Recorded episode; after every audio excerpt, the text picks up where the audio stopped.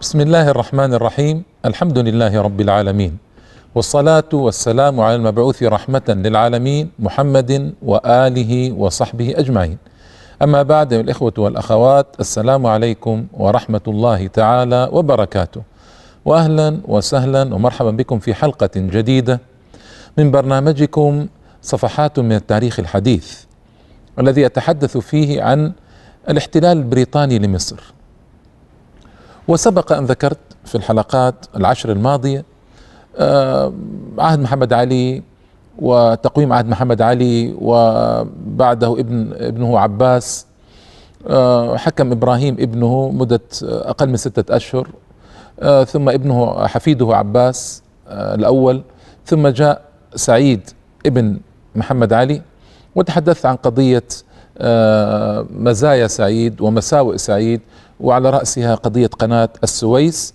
وموافقته لإنشاء القناة. موافقته كيف لحفر القناة ووصلها وصل البحر الأحمر بحر الأبيض المتوسط وقلت إن ذلك كان أكبر خطأ في تاريخ سعيد وأنه حكم على مصر بالارتهان للأجانب لمدة طويلة جدا من الزمن بعد ذلك وأدى إلى احتلال مصر فعليا وفقدانها استقلالها. وفي الحقيقة مات سعيد وعنده مشكلتان كبيرتان. حتى أذكر الإخوة حتى أن التاريخ يرتبط مع بعضه بعضا لابد من التذكير. مات سعيد وخلف مشكلتين ضخمتين. أولاه مشكلة قناة السويس التي تمت في عهد آه، خلفه الخديو إسماعيل الذي نتحدث عنه إن شاء الله في هذه الحلقة وما تلاها من حلقات. ومشكلة القروض الأجنبية التي فتح بابها بدون داع وتضخمت إلى شك بشكل خيالي في عهد آه، الخديو إسماعيل من بعده. الخديو إسماعيل ابن إبراهيم هو الذي نتحدث عنه إن شاء الله تعالى في هذه الحلقة. هو إسماعيل ابن إبراهيم ابن محمد علي فهو اذا حفيد محمد علي محمد علي باشا مؤسس هذه الدولة. حكم آه، آه، سبعة عشر عاما تقريبا سبعة عشر عاما تقريبا من سنة 1279 هجرية إلى سنة 1296 هجرية. انتهى حكمه يعني من 130 سنة من الآن وبالميلادي لمن ضيع التاريخ الهجري 1863 إلى 1879 هذه سنوات حكمه وانتهى حكمه بخلعه ونفيه إلى اسيتانا يعني إسطنبول. في قصة طويلة مؤلمة محزنة سآتي على تفاصيلها. إسماعيل في الحقيقة فيما آه، درست من هذا التاريخ وفيما اطلعت من وثائق يعد ثاني أسوأ حاكم بعد ابنه. ابنه توفيق اتفقت الكلمة على أنه أسوأ حكام أسرة محمد علي. على مدار تاريخه الطويل امتد قرن قرنا ونصف قرن من الزمان. آه، ابن إسماعيل سيأتي الحديث عنه إن شاء الله في حلقات قادمة لكن إسماعيل نفسه ثاني أسوأ ملك حكم. آه، مع أن عهده وصف بأنه آه، من أزهى العهود وأحسن العهود من ناحية التقدم. لمصر. حتى أن بعض الناس وصفه قال هنالك قرن كامل من الارتقاء والتطور ما بين عهد سعيد وعهد إسماعيل. مع أن إسماعيل بعد سعيد مباشرة لكن وصف التطور الذي جرى في عهده كأنه مر قرن على مصر من التطور والارتقاء وكذا. ولماذا؟ هو عهده في الجملة كان عهد نهضة وتقدم لولا التصرفات التي غطت تماما على كل مزاياه كما حدث مع سعيد وأنا ذكرت هذا من قبل قلت إن المزايا التي آه، زينت عهد سعيد وهي مزايا لطيفة وجليلة في الحقيقة وذكرتها بالتفصيل غطى على عليها كل كلها مشكلتان مشكلة إذنه إذن مشكلة إذنه بفتح قناة السويس والمشكلة الأخرى فتح باب القروض الأجنبية وما جرت على مصر هاتان قضيتان جرت على مصر وبالا وأي وبال هو. عهد إسماعيل كان فيه مزايا أيضا. منه منها أنه اهتم بالتعليم والعلم. سلفه سعيد ما اهتم بالتعليم بل بالعكس كان يقول مقولة عجيبة. ما تتفق مع توجهه العام وميله الأوروبيين. كان يقول إن الشعب الجاهل أسلس انقيادا للحاكم من الشعب المتعلم. فرفض أن يتوسع في التعليم سعيد. مثل أيضا سلفه عباس الأول. لكن جاء إسماعيل ووسع التعليم بشكل كبير فالتصق بعهد محمد علي أكثر. لأن محمد علي هو أبو الأسرة وهو فعلا اعتنى أو عني بالتعليم عناية جليلة. هذا لابد أن تذكر المزايا وقد ذكرت السلبيات والنقائص عهد محمد علي لكن لابد أن أذكر مزايا الآن. أنه عني بالتعليم عناية جليلة ورائعة وهذه النتيجة أنه تابع جده في قضية التعليم. وفعلا آه، تعليم انتشر والمعاهد انتشرت والمدارس انتشرت في مصر على وجه كبير وجليل. آه، من مزاياه أن أكمل فتح السودان. السودان آه، الطبيعي يعني بمعنى أن الواصل إلى المحيط الهندي. لأن وصلت وصل المصريون تقريبا إلى القرن الإفريقي والصومال وهذه المناطق كما سيأتي الحديث ربما أعرج على ذلك قليلا. فالسودان الطبيعي بحدوده الطبيعية آه، إلى المحيط الهندي هذا وصل في عهد إسماعيل. أكمل فتح آه، أكمل فتح آه، السودان. وهذه أيضا مزية لأن أي اجتماع بين الدول العربية والإسلامية هو أمر محمود. نتطلع إليه بلهف وشوق. في ظل التكتلات العالمية ضدنا وفي ظل المجابهات العالمية التي تفرض نفسها آه، ومؤامراتها وكيدها على العالم الإسلامي نحن بحاجة لتكتل إسلامي وعربي. لذلك أي تكتل حميد يقوم على أسس حميدة أسس معقولة أسس جيدة آه، نشجعه ونرغب فيه ونتمناه. ولو يا إخوة ما كان قائما ولو لم يكن قائما على أسس إسلامية صحيحة. آه، بمعنى يعني تكتل إسلامي لأن بعض الحركات الإسلامية والمفكرين الإسلاميين يتمنون رجوع الخلافة من جديد واجتماع الأمة الإسلامية آه، كلها من جديد. هذه أمنية لا شك تراود كل واحد منا لكن إذ ما تيسرت نشجع الاجتماع الجزئي صح التعبير؟ نشجعه ونرغب فيه وندفعه قدما إلى الأمام. إن قام على أسس على الأقل وطنية صحيحة. عوض عن هذه يعني الدول تقريبا ستون دولة إسلامية. ستون دولة إسلامية وثلاث وعشرون دولة عربية تقريبا أو أربعة وعشرون. طيب فهذا تفتيت لقوة المسلمين وقوة العرب. ليس من مصلحتي في شيء ليس من مصلحتي في شيء. فأكمل فتح السودان واجتمعت مصر والسودان وقلت لكم إن إخواننا المصريين آه، والسودانيين أيضا يقولون مصر والسودان حتة واحدة آه، ثم صارت حتتين بعد ذلك بسبب المشكلة مع الإنجليز وكيد الإنجليز وتهاون أيضا إخواننا المصريين في هذه القضية. عني بتنظيم الجيش لأن الجيش قلت لكم إنه في عهد سعيد نزل من ستين ألف فرد إلى أقل من عشرة آلاف فرد وقدره بعضهم بثمانية آلاف فرد والسبب أن سعيدا سحب الجيش ووضعه في حفر القناة مع الفلاحين الذين عملوا في حفر القناة وهذا أيضا ليس من مصلحتنا أبدا فعني بتنظيم الجيش من جديد وزيادة عدده. وسيأتي على ذلك ذكر في آه، قريبا إن شاء الله في هذه الحلقة. آه، نهض بالبحرية المصرية. وذلك لأن من المعاهدات التي جرت بين الدولة العثمانية والمصريين وأشرفت عليها الدول الأوروبية أن لا تصنع سفينة حربية واحدة بحرية إلا بإذن الدولة العثمانية. وحتى أن سعيدا لما أراد أن يعوض بعض خسائر حرب القرم التي ساعد فيها السلطان العثماني الدولة المصرية ساعدت السلطان العثماني في حرب القرم رفض ذلك آه، وأراد أن يبني بعض السفن ألجأته الدولة العثمانية وهذا غريب وعجيب بتخويف إنجلترا طبعا ألجأته إلى تحطيم كل ما بناه من سفن بحرية. وقالت له إياك أن يتطور الأمر ويرتقي سعيد بعدد السفن فيهاجم الدولة العثمانية كما فعل محمد علي آه، من قبل. وهذا أخاف الدولة العثمانية أصدرت أمرا إليه بتحطيم سفنه فحطمها ووزع أخشابها. هذه القوة الإسلامية عندما تحطم أمر مرير لكن هذا الذي جرى هو عني بأمر البحرية عني عناية جيدة بأمر البحرية المصرية. والسبب أن إسماعيل آه، دفع رشاوي كثيرة جدا لأركان الدولة العثمانية حتى يضمن أكبر قدر ممكن من استقلال لبلاده. ليضمن أكبر قدر ممكن من استقلال لبلاده اضطر لدفع رشاوي ضخمة سآتي على ذكرها في جملة آه، نقائصه أو نقائص عهده. فحصل على مزايا كثيرة وأطلقوا يده في مصر. وقلت لكم حكم 17 عاما مدة طويلة تقريبا. أطلقوا يده تقريبا في مصر وكان هذا الإطلاق سيفا ذا حدين. يعني آه، كان جيدا وكان سيئا. لأن رجل أثبت بعد ذلك أنه سفيه كان ينبغي الحجر عليه لتبذيره الشديد ولبعده عن الإسلام تقريبا في كل تصرفاته. وأنا قلت لكم أن أسرة محمد علي تقريبا كانت لا تنطلق من منطلق إسلامي كل أفرادها. آه، حتى عباس الذي اشتهر بولائه لبعض الأمراء السعوديين في زمانه.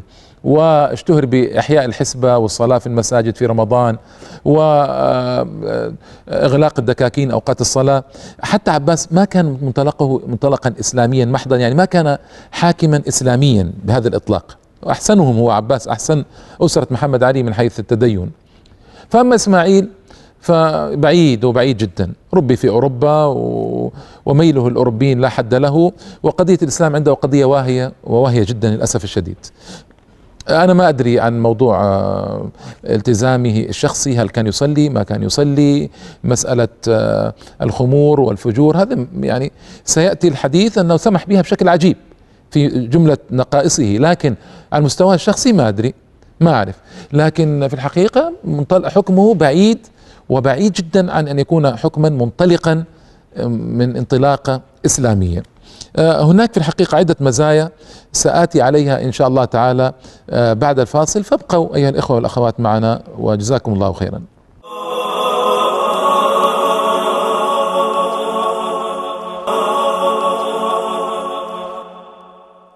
السلام عليكم مرة أخرى أيها الإخوة والأخوات. آه، كنت تحدثت قبل الفاصل عن مزايا عهد إسماعيل وكان فيه مزايا للإنصاف مزايا جيدة.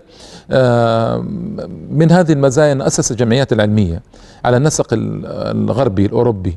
والجمعيات العلمية يعني جمعية جغرافية جمعية تاريخية جمعية الطبية هذه الجمعيات مهمة مهمة ولا بد أن تنشأ في ديار الإسلام لسمو غرضها. ونحن بالمناسبة مصر تقدمت تقدما رائعا جدا في أواخر القرن الثالث عشر الهجري التاسع عشر الميلادي وكما قال الأستاذ رشيد رضا في المنار إن بعثة يابانية يابانية انطلقت من اليابان إلى مصر لتدرس أسباب رقي المصريين وأسباب حضارة المصريين وكيف حصلوا عليها. تصوروا اليابان تصنع ذلك. وأين اليوم اليابان؟ وأين مصر؟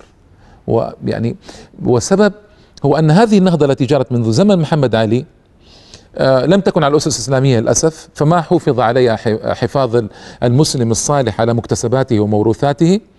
وفي الوقت نفسه آه، ما استمرت استمرارا طبيعيا. كانت تواجه بعقبات وحواجز وهذا يأتي يلغي المشروع الفلاني والحاكم الذي بعده يلغي كذا ويبقي كذا وينشئ كذا. يعني ما كانت سلسلة سلسلة متصلة من آه، المشروعات التي يكمل بعضها بعضا يعاون بعضها بعضا. والسبب أن البلد آه، قائمة على حكم فرد وليست قائمة على نظام مؤسسات يعني حكم مؤسسات يكمل بعضها بعضا.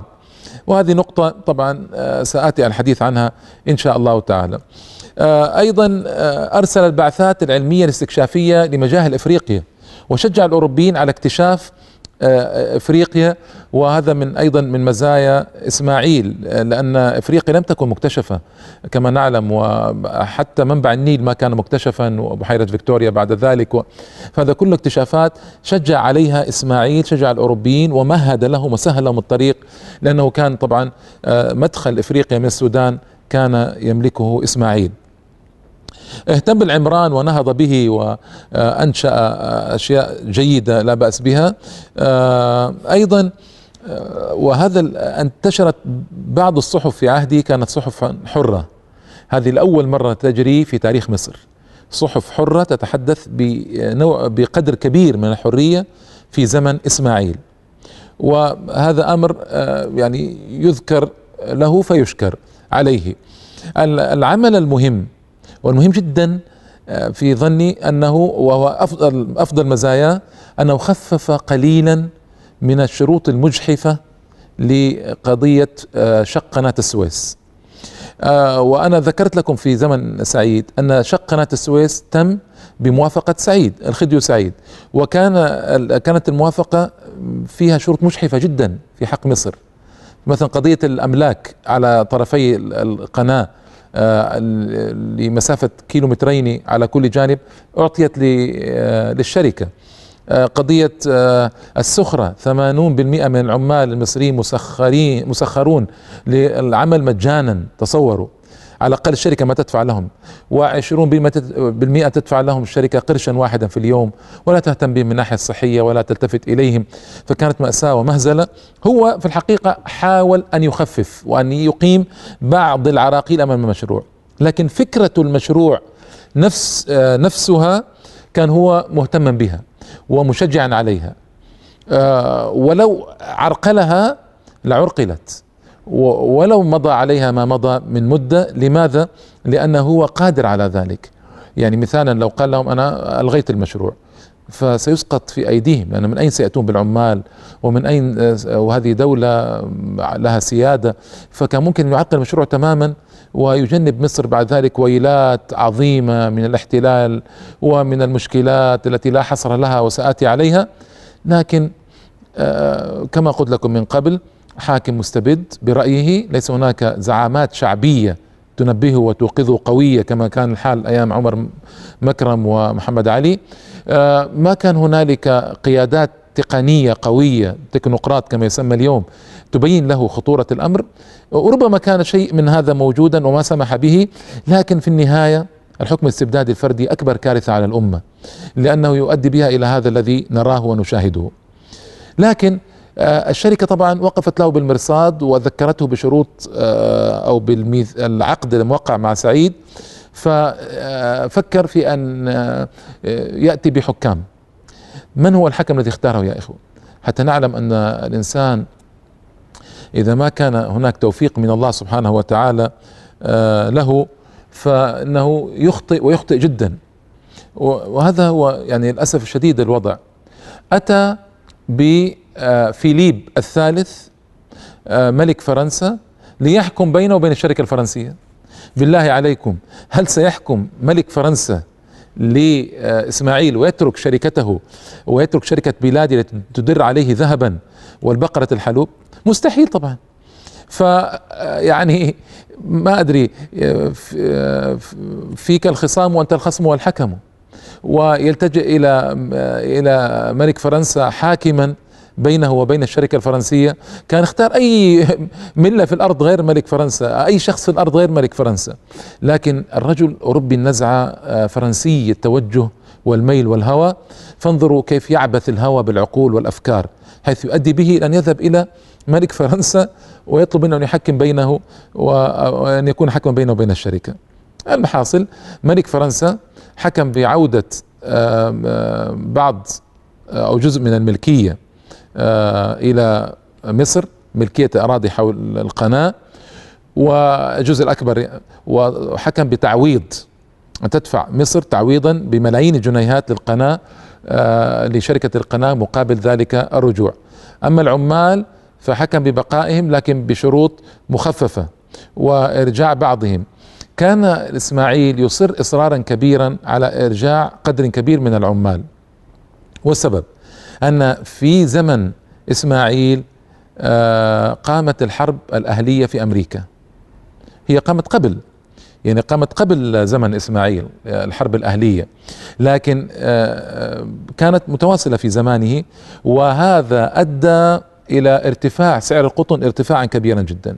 لأن أمريكا كانت من دول مصدره للقطن مزارعها طبعا يقوم عليها العبيد السود الذي جلبتهم من أفريقيا المساكين كانوا يقومون على زراعة القطن. فلما صارت الحرب الأهلية بين الولايات الجنوبية في أمريكا والولايات الشمالية حصل ما حصل من ارتفاع سعر القطن في العالم.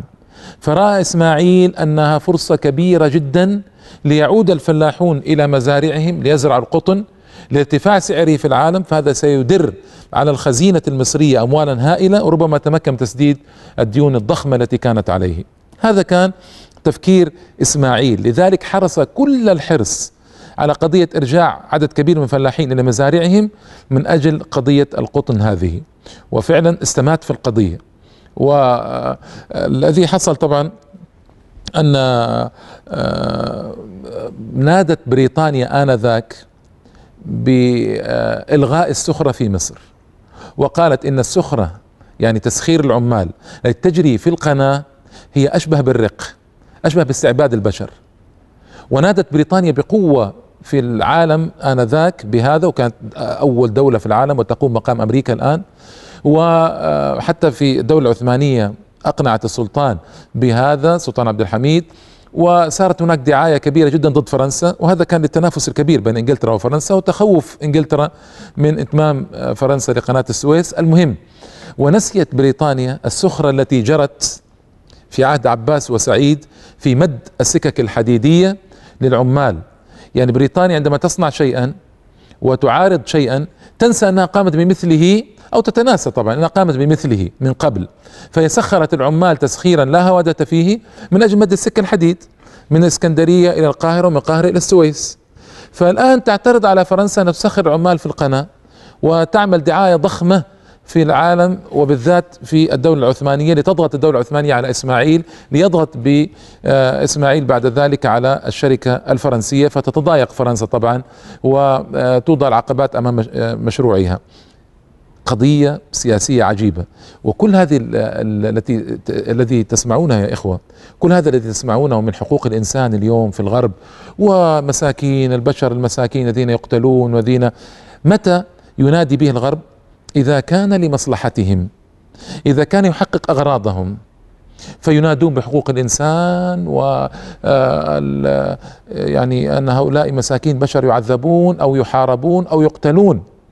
بينما يغضون الطرف عما يجري في فلسطين من قتل يومي للفلسطينيين واعتقال أكثر من أحد عشر ألف فلسطيني في السجون في ظروف بالغة الصعوبة واحتلال البلاد وقهر العباد يغضون الطرف عنه ولا يتكلمون عنه أبدا. والسبب أنه ضد مصالحهم. يغضون الطرف عما يجري في العراق من قتل وتهجير وممالأة فئة على فئة أو طائفة على طائفة لأنها ضد مصالحهم ما يتكلمون عنه. يغضون طرف عما يجري في باكستان يوميا اليوم من قتل الناس والرجال والنساء والأطفال مساكين يقتلون بطائرات بدون طيار من أمريكا وما حد يتكلم. لماذا؟ لأنه ضد مصالحهم. طيب ويغضون طرف عما يجري في الشيشان وفي كشمير وفي الفلبين و... ضد مصالحهم.